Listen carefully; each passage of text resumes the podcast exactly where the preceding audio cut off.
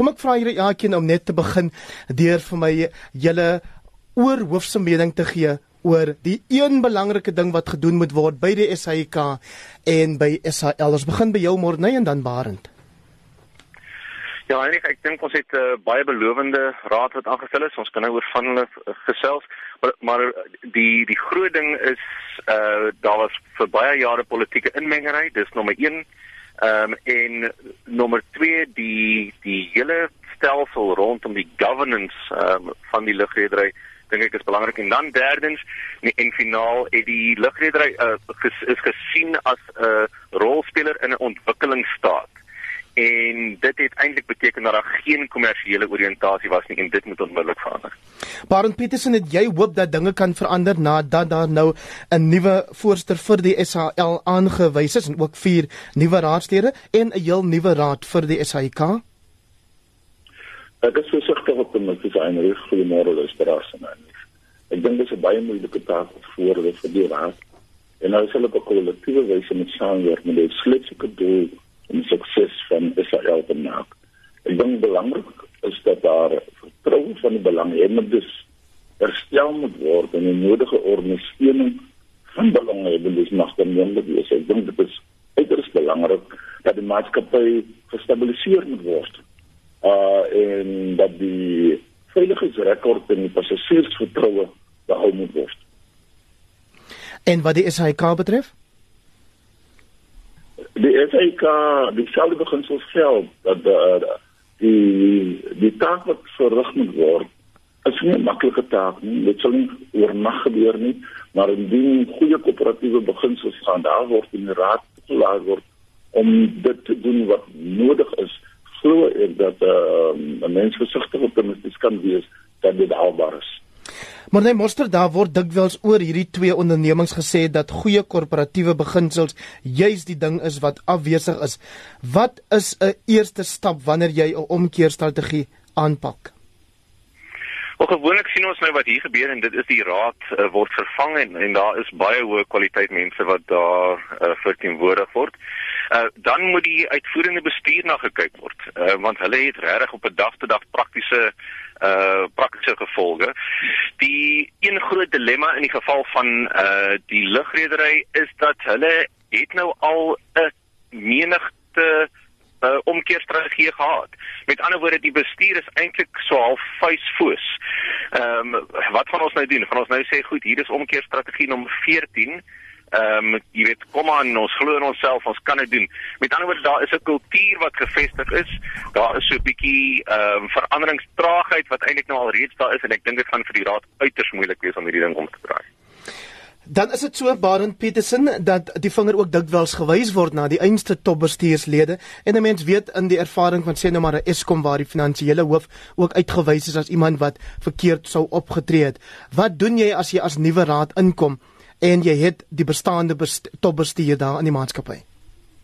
Ek dink die eerste ding is om die om die kundigheid van die bestuurspan te evalueer en om die nodig te versterk.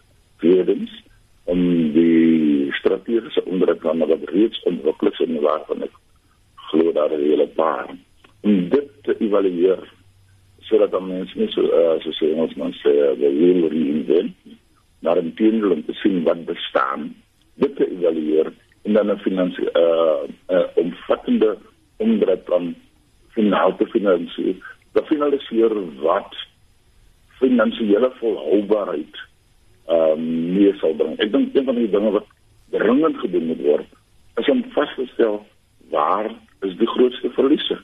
Ehm um, hierdie raad kom op wat ek ehm um, jy kan dit vergelyk met uh met 'n ongeluk wat gebeur.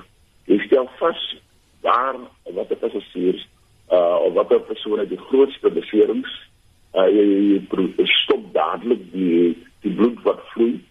Uh daar waar uh, groot verlies is uh skenk jy dringend aandag jy bepaal die onderliggende redes vir die verliese en dan met 'n mens die inkomste belyn met die uh met, met die uitgawes met ander woorde die uitgawes moet beperk word tot die inkomste stroom en daar het jy moet belyn word en dit sal 'n groot ehm um, ek wil ek 'n bietjie Morne Mostert, hoe verseker jy of liewer in baie gevalle lyk dit asof die nuwe raad dan dink of die bestaande raad die enigste manier om die kundigheid te versterk van die topbestuur is dat die raad self operasioneel begin optree.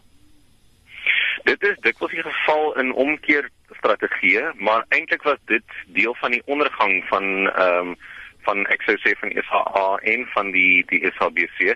Ehm um, en dit is as gevolg van politieke inmengery. Met ander woorde, jy het hierdie vlakke van van inmengery, politieke mense, die DG's, die ministers, dan die raad, dan die uitvoerende bestuur, dan die sien is dan die middelbestuur. Teen die tyd wat dit by die middelbestuur kom, is voel jy eintlik verlore. Jy jy voel jy is genaamd nie bemagtig nie. So, dis uiters belangrik dat die uitvoerende bestuur mense moet wees met 'n hoë vlak van uitvoerende bestuurvaardighede en dat hulle besluite kan neem volgens wat die plek probeer bereik. Maar hein, daar lê die kern van die saak. Wat probeer die plek eintlik bereik? En in 'n ontwikkelingsstaat filosofie, en ons het met SA gewerk In 'n ontwikkelingsstaat filosofie is daar letterlik mense wat in die gange rondloop en sê maar ons is 'n ontwikkelingsstaat. Dit beteken ons stel mense aan met ander woorde ons skep werk, ons lei mense op in ons akademie met ander woorde ons help met die nasionale opvoeding. En daar is geweldig min begrip vir die kommersiële implikasies om so 'n organisasie te bestuur. Baron Petersen Ek dink dit is uh dit is dringend dat die raad die autoriteit moet neem om is afdal om te draai. Hulle die verantwoordelikheid en dit berus by die raad. Die raad moet egter waak daarteen om nie op so 'n wyse betrokke te raak dat hulle die uh bestuurspan ontmoedig nie. Die dag-tot-dag bestuur moet uh, uh verrig word deur 'n kundige bestuurspan. Dit is waarom ons sê bou die beste uh, kundiges en versterk die bestuurspan waar nodig Maar strategies gesproke moet die raad die omdraaiplan finaliseer en dan daarvoor ons bestuur uh om die uh, belangrike mylpale vooraf te bepaal hoe dit sou bereken word en dan die maatskappy se bestuur fokus om dit wat in die vooruitsig gestel word te realiseer. Môre môre is dit hierdie ontwikkelingsstaat denkpatroon wat maak dat sommige mense sê ons moet dalk maar eerder na die buiteland kyk vir kundiges want hier by die huis is ons so vasgevang in daai denkpatroon dat ons nie groter of breër dink as die onmiddellike nie. Ek dink dis heeltemal reg en eintlik het uh SAA in die verlede uh, internasionale mense gehad wat hulle adviseer het onder andere uh, in strategie byvoorbeeld. Die die groot dilemma is dat jy weet jy kan 'n interne spesialis wees, maar as 'n politieke inmengery is, dan kan jy nie eintlik jou spesialisvaardighede tentoonstel nie. Maar ons het nou 'n baie ander profiel in hierdie raad. Dis 'n baie meer kommersieel georiënteerde raad. Die voorsitter kom uit 'n kommersiële omgewing.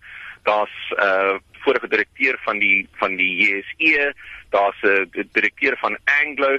Met ander woorde dit is jy weet daar's 'n lugvaart spesialis onder andere op die raad. Met ander woorde die profiel is nou totaal anders en 'n mens wil graag hoop dit gaan 'n impak hê in hoe hoe die raad uh die uh, die uitvoerende bestuur adviseer.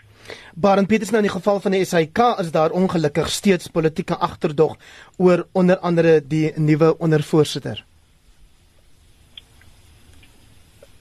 Ek dink ehm um, van tyd tot tyd sal mense menings hê. Maar dit is belangrik dat die persone geleentheid gegee word om hom of haarself te bewys in die posisie waar die persoon homself bevind. En ek dink die die die persone is deur die parlement goedgekeur na 'n proses en ek dink tyd sal leer ja oh, oh, in die mate waar hierdie raad uh, funksioneer tot die optimale uh operasionele vermoë van die organisasie.